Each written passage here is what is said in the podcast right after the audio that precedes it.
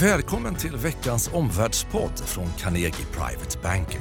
Det är torsdag den 19 mars. Vi spelar in klockan precis 15.00. Det är ju turbulenta tider på börsen. Vi ska starta med en marknadskommentar. Därefter hur vi på Carnegie resonerar om andelen aktier och ränteplaceringar i portföljerna just nu.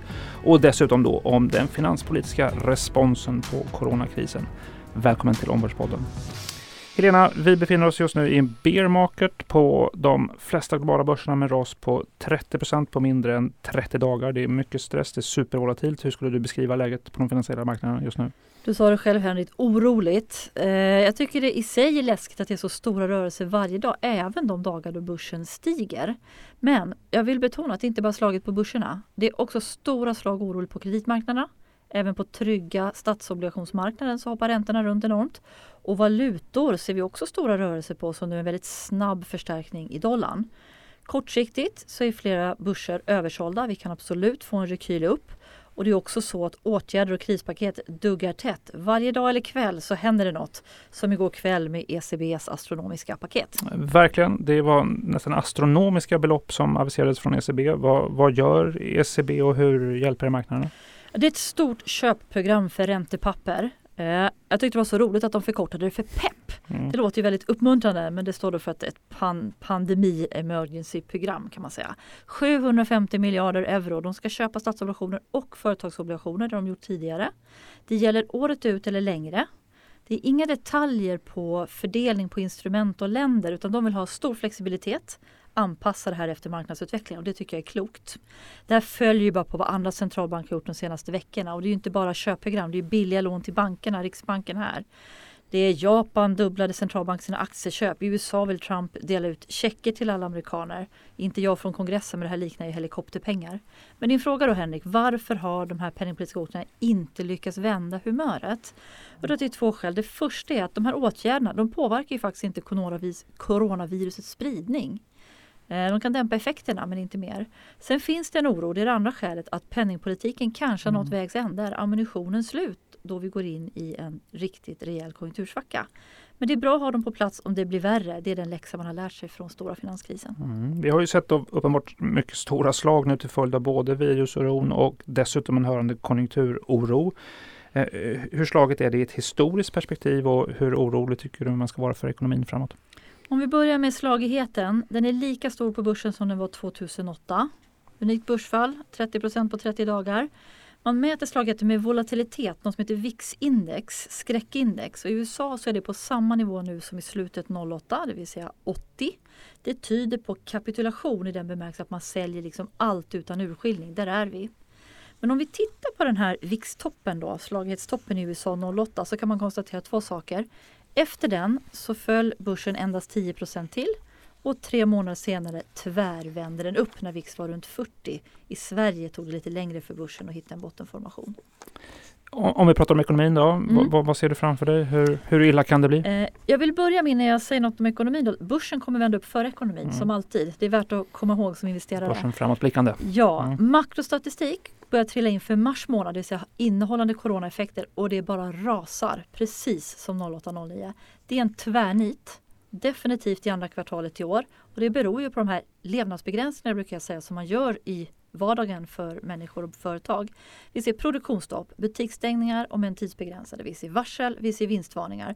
Det kan bli ett klart djupare fall än vid stora finanskrisen på kort sikt. Det kan också bli större effekt i väst än vad vi såg i Kina när de stängde ner. Det är varaktigheten i den här virussmittan och stängningarna som avgör. Och att göra prognoser nu Henrik, det är tyvärr måste jag säga som makronom nästan omöjligt. Och det tycker jag illustreras av att Fed mm. säger att de, inte just nu, utan de sköt upp tidpunkten för när de ska ge marknaden sina prognoser för ekonomin. Sen vet vi att det här viruset, det kommer kulminera. Men det är stor osäkerhet om när. Och här spelar ju tyvärr då psykologi och politiska beslut och rekommendationer in. Eh, det vi såg i Kina var att när virusfallens ökningstakt blev långsammare, då vände börsen. Eh, nu, två månader senare, så är ekonomin nästan 90% öppen. Eh, och i väst hoppas vi få en liknande utveckling för då kan man förvänta sig någon normalitet i sommar. Just det. Vad, vad tycker du är den korta slutsatsen för eh? Krisåtgärder och stimulanspaket är bra men börsen fokuserar just nu på takten i virusspridningen. Hoppas det blir likt Kina. Du, om vi går vidare och resonerar hur vi nu resonerar kring eh, investeringsportföljer mm. vad gäller då andelen aktier och ränteplaceringar. Mm. Vad, vad säger du? Ja, där vill jag inleda med att säga att alla sådana här uttalanden ska egentligen ha en tydlig datumstämpel. Ja. Bäst före. Men med detta sagt. Blir omsprungna av verkligheten. Ja, vi säljer inte aktier efter det här stora snabba börsraset. Vi minskade ju risken och gav det rådet i slutet av januari. Har vi berättat om i tidigare poddar. Men nu har vi det med börsfallet fått en aktieandel som är mindre än normalt, alltså undervikt och som vi väljer att inte balansera upp i det här läget. Så vi är inte köpare av aktier brett än. Eh, vi vill gärna se att volatiliteten och VIX-index kommer ner och att smittan avtar. Vi ser vissa tecken på det här i Italien de senaste dagarna, men bara där.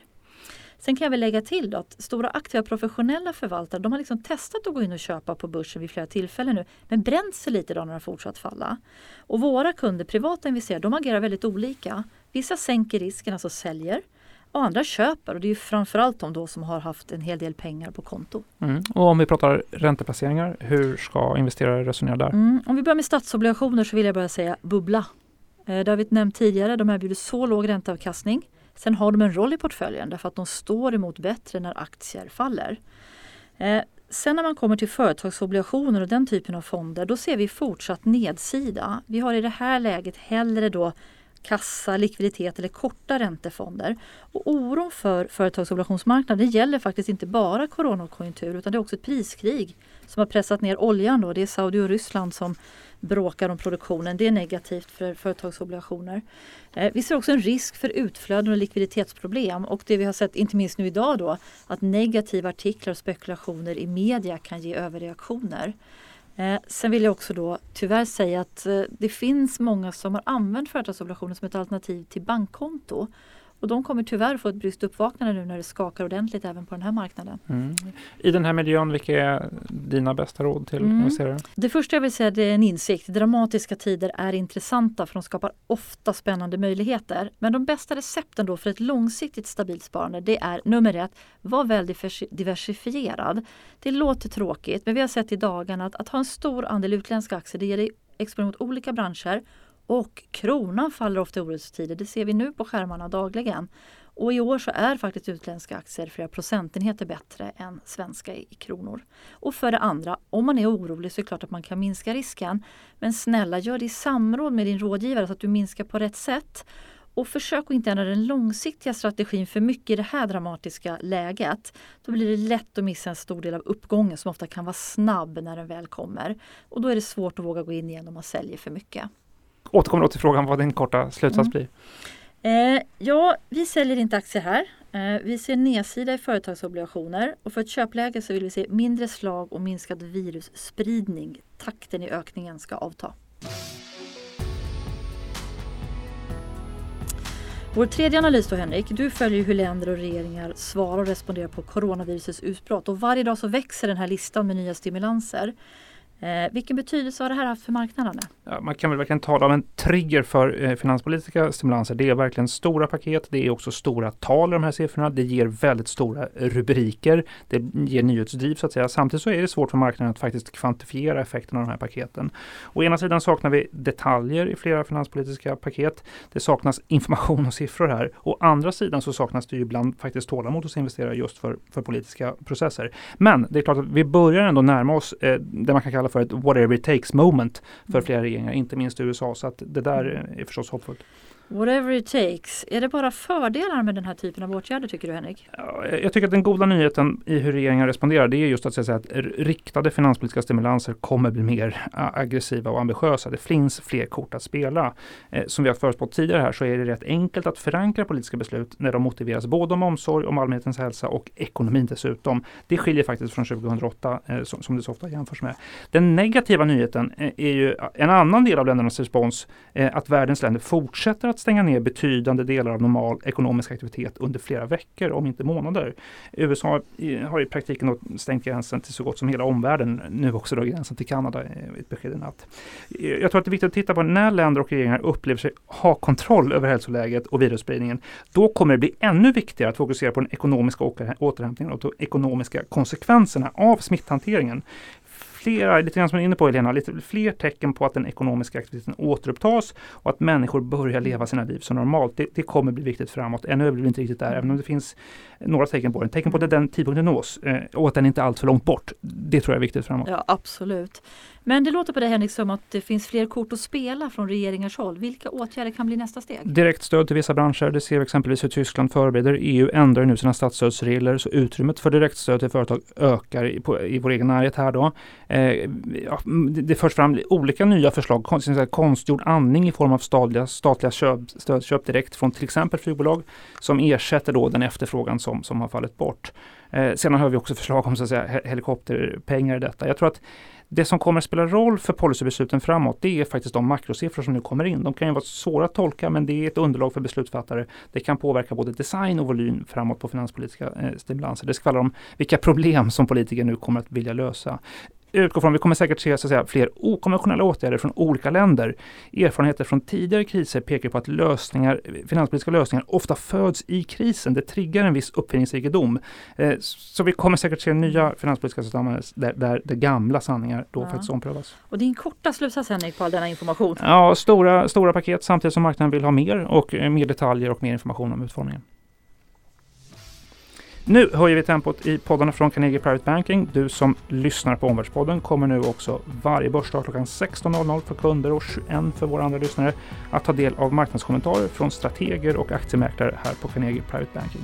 Så lyssna på oss gärna där varje börsdag. Tack för att du har lyssnat på Omvärldspodden från Carnegie Private Banking. Vill du veta mer om vad som händer i vår omvärld och få aktuella idéer till affärer? Gå då in på www.carnegie.se veckans viktigaste och prenumerera på vårt nyhetsbrev.